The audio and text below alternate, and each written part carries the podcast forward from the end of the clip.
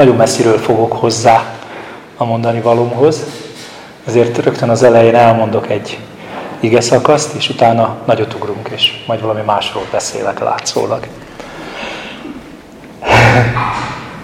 De meglátjátok, jó lesz. Mózes negyedik könyvében, a 21. Rész, 21. részben olvasunk egy történetet, ismert történet, negyediktől 9-es vers. Majd elindultak a Hór hegyétől a Vörös-tenger felé, hogy megkerüljék Edom országát. De útközben elfogyott a nép türelme, és így beszélt a nép Isten és Mózes ellen. Miért hoztatok föl bennünket Egyiptomból? Azért, hogy meghalljunk a pusztában. Hiszen nincs kenyér, és nincs víz. Szívből utáljuk ezt a hitvány eledelt. Ezért az Úr mérges kígyókat küldött a népre, és azok megmarták a népet, úgyhogy sokan meghaltak Izraelből. Ekkor oda ment a nép Mózeshez, és ezt mondta, védkeztünk, mert az Úr ellen, és ellenet szóltunk, imádkozz az Úrhoz, hogy távolítsa el rólunk a kígyókat. És imádkozott Mózes a népért. Az úr pedig ezt mondta Mózesnek, készíts egy mérges kígyót, és tűzd fel egy póznára. Mindenki, akit megmart a kígyó, életben marad, ha arra föltekint. Mózes tehát készített egy részkígyót, és föltűzte egy póznára. Ha azután megmart valakit a kígyó, és föltekintett a részkígyóra, életben maradt.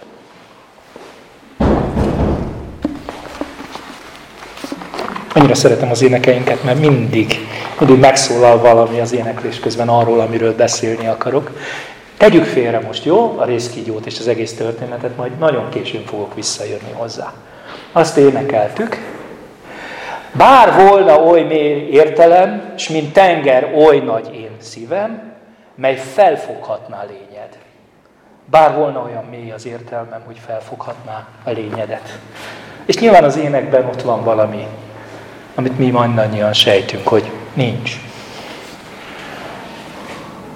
A római levélből idéznék egy néhány verset, csak azért, mert hosszú a mondat, és az az egy kifejezés, az muszáj keretbe állítanom.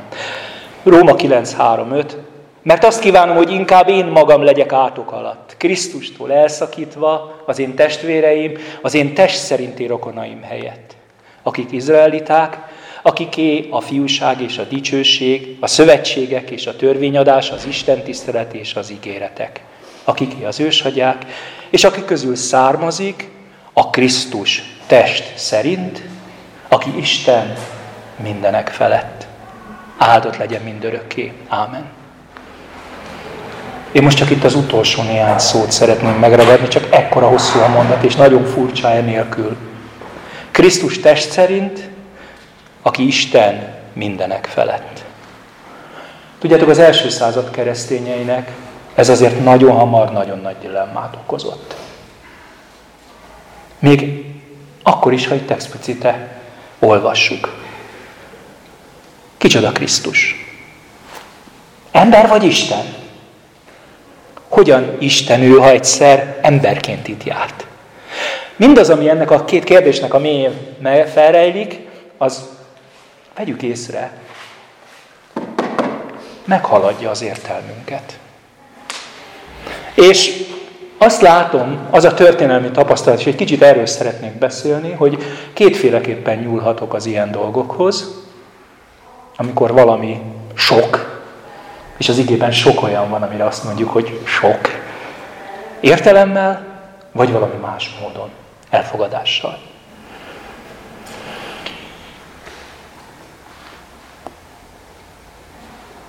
Hadd szögezzek le rögtön az elején néhány olyan, nem is tudom, van-e értelme egyébként igeverseket leszögezni, mert hát azok ott vannak a Bibliában, nem kell hozzá sok magyarázat, de azért mégiscsak meghatározzák a közös hitünket.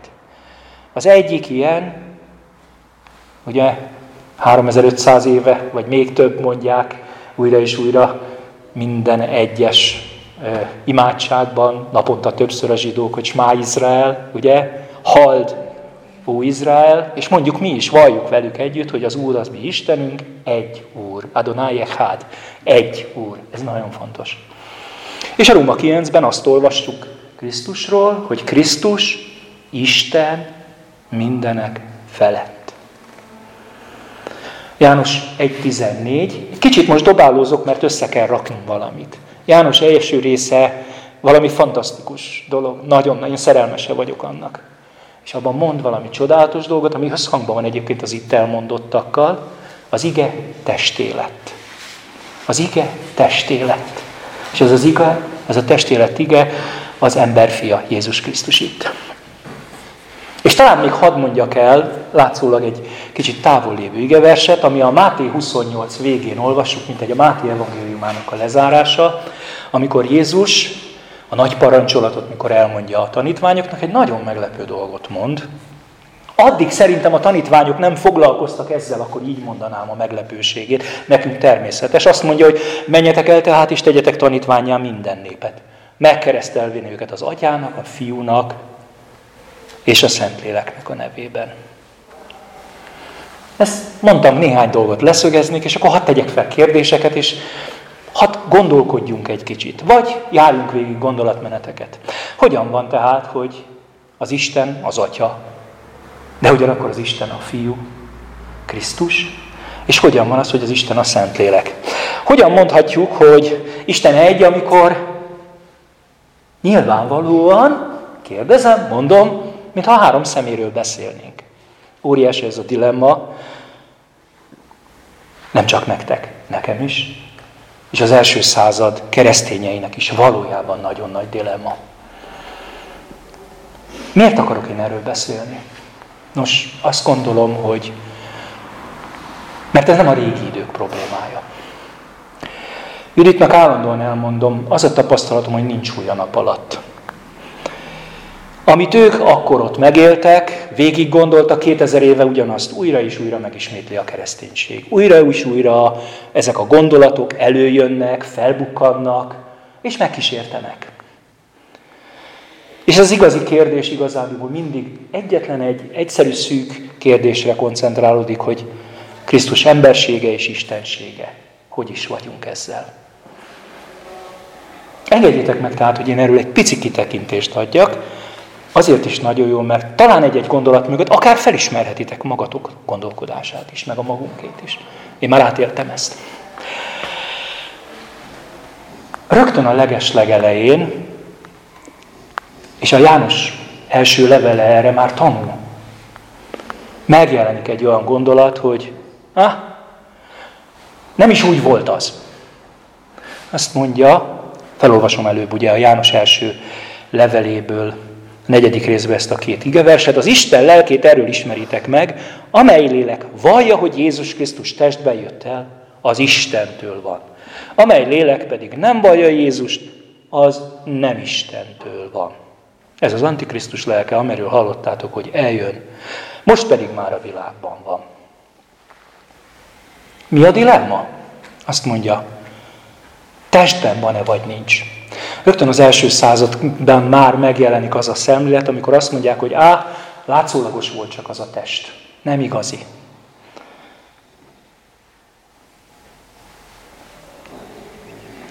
Igazándiból egyszerűen csak átemelte a kor gondolkodását, ami, ha valaki hallotta, igyekszem és kerülöm, semmiféle idegen szót nem használom, de egyet hadd hozzak ide, mert találkozhattok vele, gnoszticizmus, ez azért felbukkan 20. században is. Ennek a lényege az, hogy az anyag az önmagában gonosz, rossz, csak a lélek, a lelki lehet jó. És így aztán, hát Isten az nem vehet magára anyagot, testet. Tehát egyszerűen olyan mértékig meghatározta, figyelem, János a levelét keresztény közegnek írja. Nem kifelé beszél a világnak, nem volt soha szándéka kifelé magyarázni, hogy mit gondolnak a pogányok rosszul. Hát, az adott volt. Bizony, az első század keresztényeit, ami megkísértette legelőször, az annak a kérdése, hogy hát az lehetetlen, hogy testben jöjjön el Krisztus. Csak látszólagos volt az eljövetele, és János nagyon kemény szavakat használ. Szeretném, hogyha ezt még egyszer elmondja.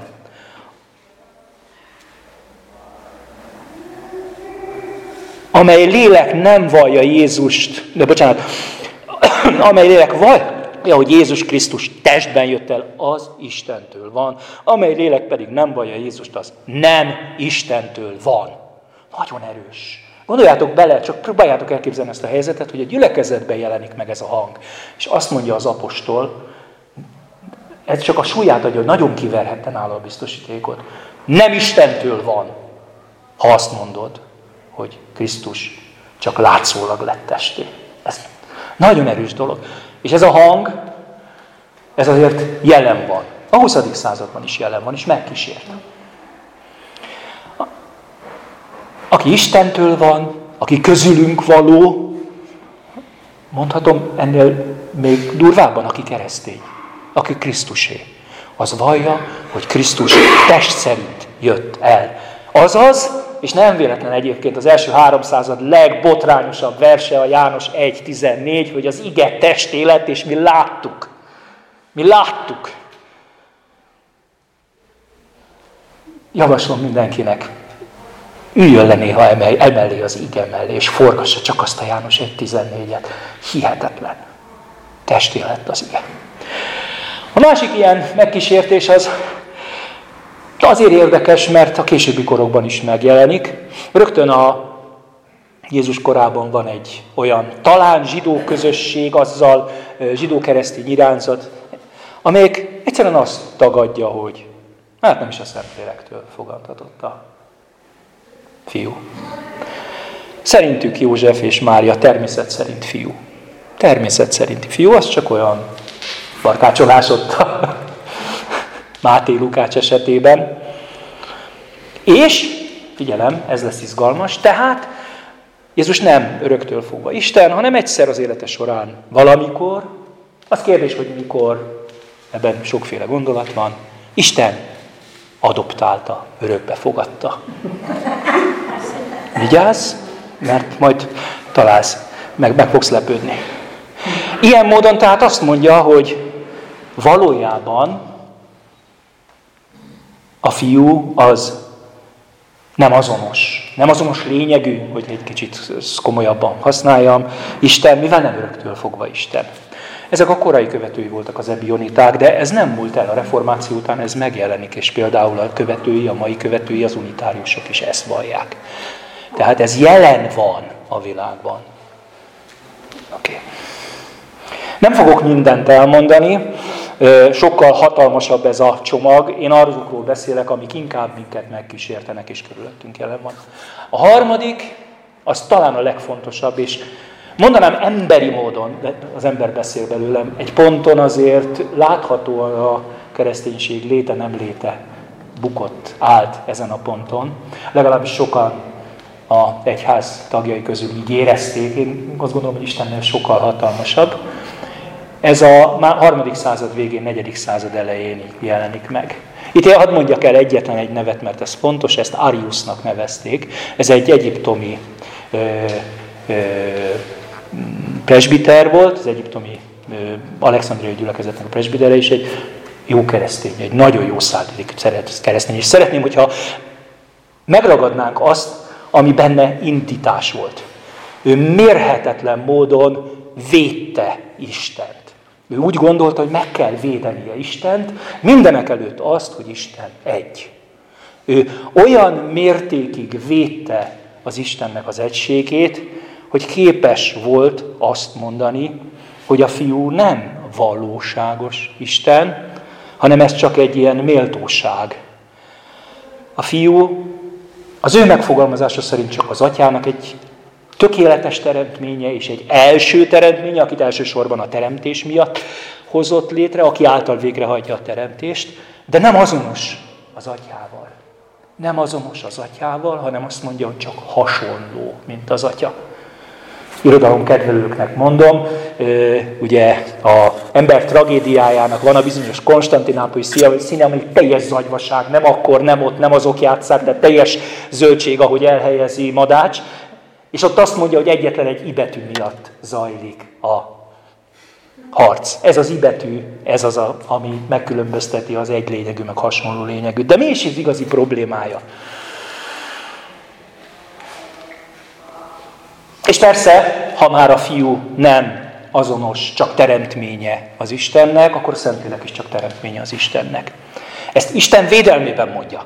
Tehát ő egy jó keresztény egy olyan korban, amikor még nem annyira alakul ki a gondolkodásunk. Védeni akarja az Istent, azt mondja az Isten olyannyira egy, hogy inkább nem engedek megtűrni mellette senki mást a gondolatomban. Miért izgalmas ez és miért nehéz? A kor embere, ugye harmadik századról beszélünk, de Jézus korától kezdve egy olyan környezet, benél, és úgy gondolkodik, ami egy sok Isten hívő, politeista környezet, igaz? Eszünkbe jutott épp a Ben Hurról beszélgetünk, ugye ott hangzik el az a kérdez felelek, mikor mondja, hogy az egy Isten tiszteli talán Ben Hur valahogy, nem tudom, hogy pontosan mi a konstelláció, de a válasz az érdekes, vagy a kérdés, hogy csak egy Istenetek van, igen szegények vagytok. Igen. Ez annyira különös, hogy tulajdonképpen meg vannak hökkenve. Egyébként csak elárulom, hogy ki is lóg, ezért lóg ki. Ezért lóg ki a kereszténység a mindenki másból az első három évszázadban. De miért probléma ez? Mert az, amit ez az elképzelés állított, az nem kevesebbet csinált, mint Jézus Krisztus, tulajdonképpen lefokozza Isten mellett egy ilyen, mint az akro, mint, mint a, tudjátok, a, nem Akropolis, hanem az Olympus csúcsán ott ülnek ugye a görög istenek az ő fogalmaik szerint, és, és ők jól elcivakodnak, és sokan vannak, és mindenkinek megvan a maga reszortja. Na ez az elképzelés, ami itt megjelenik, óhatatlanul egy ilyenné fokozza Jézus Krisztust. Hogy ő csak egy a sok istenség között. Ha ez így volna, ha ez így volna, hogy ő csak egy lenne a sok kis teremtmény között, akkor gondold végig a megváltásodat. Akkor érted, egy teremtmény halt volna meg. Ha ez így van, akkor egy Istennek becses, de mégiscsak egy teremtménye az, akit akkor az első században keresztre feszítenek a zsidók. A megváltásnak a titka éppen abban van meg, hogy Isten önmaga lett emberré, és önmaga halt meg, érted? Nem tudom, értitek-e ennek az egész gondolkodásnak az igazi csapdáját. Ha befogadja az ember azt, hogy Jézus csak egy a sok kis Isten között, mert az Isten annyira fontos, hogy ő csak egy közülük, akkor bizony beszélve van a megváltás. Ha bedőlünk ennek, akkor Krisztus csak egy isteni teremtény, és nem Isten.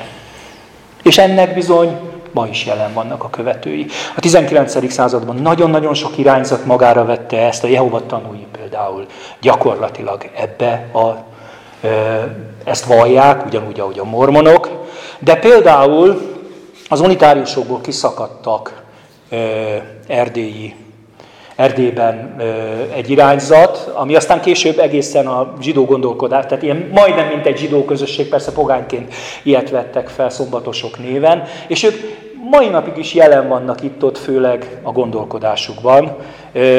Én azt tapasztalom, ja igen, van például egy magyar honlap, Church of God néven halljátok, olvashatjátok, rá tudsz találni. E, ez veszélyes dolog egyébként, a Church of God az ugye Isten gyülekezetét jelenti. Sok száz közösség van szerte a világon Church of God néven. Amerikának a legnagyobb pünkösdi közössége, úgy értem, hogy mint, mint szerveződés, tehát sok, külön, sok, sok pünkösdi közösséget magában közösség is ilyen néven van. Tehát önmagában a név semmit nem jelent, de Magyarországon találsz egy ilyen nevűt, az például teljes egészében ennek van alárendelve. Tehát jelen van, itt van, gyanútlanul olvasod, és csak érzed, hogy valami olyan furcsa, de azért ezek ott vannak. Az igazi botrány, hogy az ige testé. Hogy valóságos Isten. Ahogy mondtam, nem csak olyan, mint, hanem ő maga az Isten. Csak izelítőt akartam mondani, akit jobban érdekel, arról hatalmas könyvek vannak már a múltból.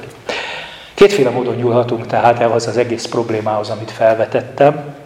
És ez a kétféle mód, az kikerülhetetlen mindig az lesz, hogy vagy az értelmemmel nyúlok hozzá, és remélem érzitek, hogy itt, amiket mondtam, jó szándékű, hívő keresztények, akik szeretnék megérteni ezt a dilemmát, vagy pedig Mert azt látom, hogy ha értelemmel indulok el, akkor falnak ütközöm. Képtelen vagyok tudni befogadni az Istent. Kénytelen vagyok a szűk értelmemmel megérteni azt a titkot, ami nálam sokkal nagyobb. Képtelen vagyok, hogy megértsem, hogy hogy lehet az egy-három. Hogy nevén vezeli. Hát egyszer egy, akkor három.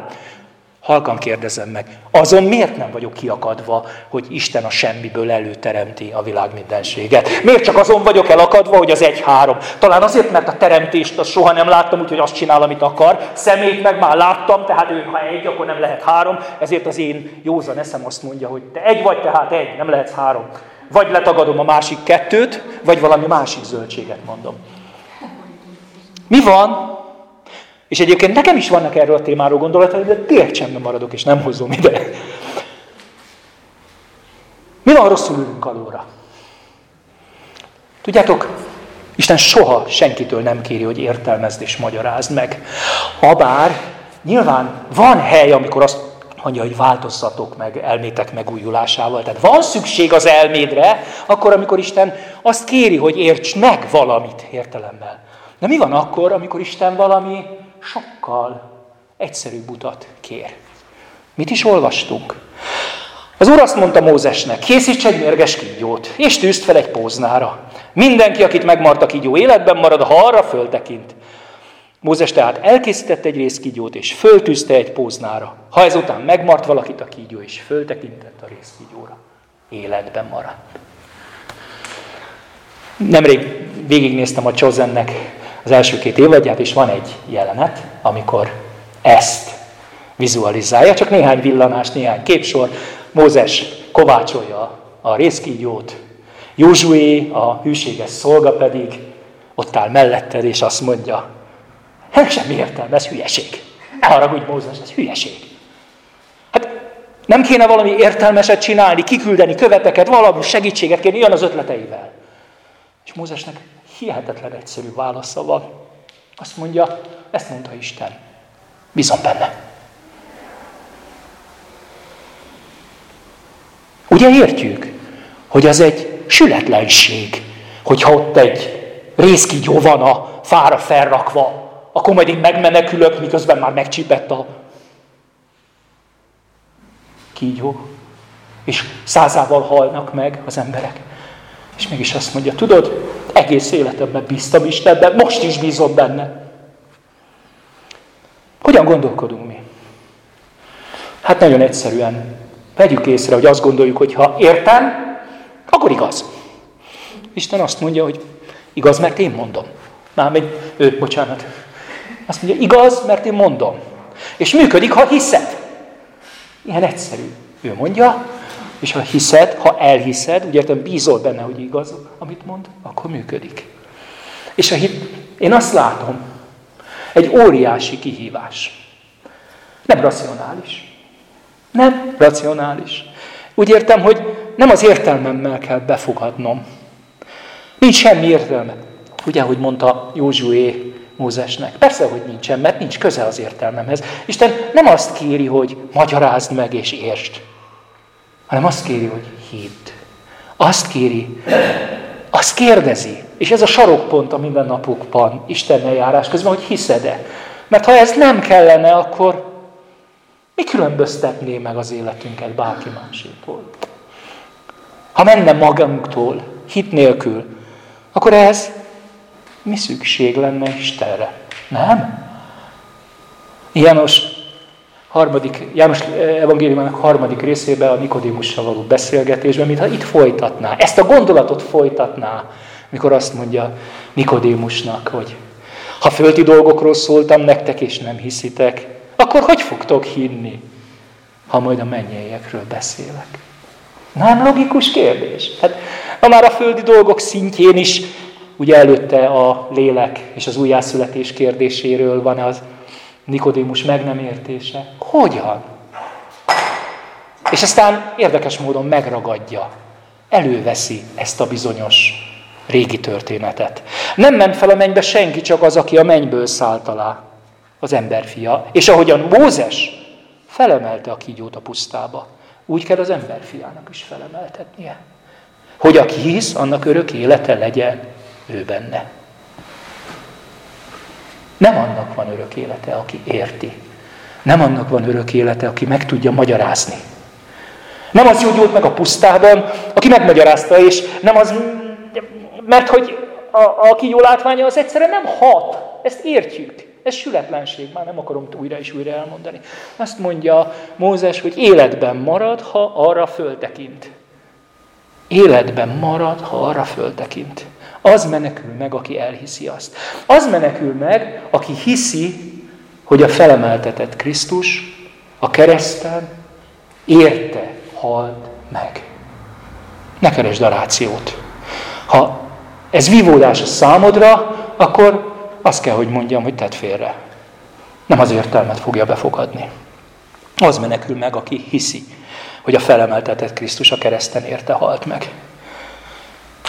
Ide van beágyazva az a talán, nem talán, múltkor valahol egy, el sem tudom képzelni, hogy kikészíti ilyen statisztikát, de statisztikát készítettek. Tavalyi év 90 ezer ige hirdetéséből a legtöbbet idézett ige. János 3.16, mert úgy szerette Isten a világot, folytatódik ez a gondolat, hogy az egyszülött fiát adta, hogy aki hisz ő benne el ne vesszen, hanem örök élete legyen. Isten nem azért küldte a fiút a világba, hogy elítélje a világot, hanem hogy üdvözüljön a világ általa. És itt jön a nagyon egyszerű képlet. Aki hisz ő benne, az nem jut ítéletre. Aki pedig nem hisz, már ítélet alatt van, mert nem hit Isten egyszülött fiának nevében. És ez annyira erős párhuzam. Tudjátok, az a chosen jelenet. Chosen jelenet. Hogy azzal jön be Józsué, hogy megint több százan haltak meg. Azt mondom, ez a kérdés, hogy hányan voltak ma. Megint több százan. Ott állsz te is a pusztába, gondold végig. Naponta százával halnak meg a testvéreid. A megmenekülés útja az értelemnek felfoghatatlan dolog. Nézd rá, és hidd el, hogy megmenekülsz, ha rátekintesz. Ő a testélet ige, ő Isten mindenek felett. Ha azt mondod még mindig, hogy az értelmetlen dolog az értelmednek, így van, igazad van, az enyémnek is az. De az egyedüli útja a megmenekülésnek. Felnézek arra a részkígyóra, felnézek arra a keresztje, és azt mondom, hogy most már kezdem érteni. A mindenható Isten testélet Jézus Krisztusban. Ugye? Ez volt a gondolatom, ez a sarokpont. A első három évszázad tév útkeresésének, én nem is mondanám út tévedéseinek, mert amikor már megértették közösen, hogy merre van az igazi út, akkor tól beszélhetjünk igazán tévedésnek, addig legfeljebb útkeresésnek. Ma már azt mondom, hogy ma már tévedés, ma már eretnekség. A mindenható Isten testélet Jézus Krisztusban, aki valóságos Isten, aki egyedül volt képes engesztelő áldozattá lenni a világ bűneiért. A megmenekülés útja pedig mindenkinek, neked is, nekem is, mindenkor. Az a pohontság. És azért vagyunk itt ebbe a világba, hogy ezt megosztjuk másokkal is. Hogy ha hiszed, és nem az, hogy megérted. Hogy ha megérted az értelmeddel. Amen.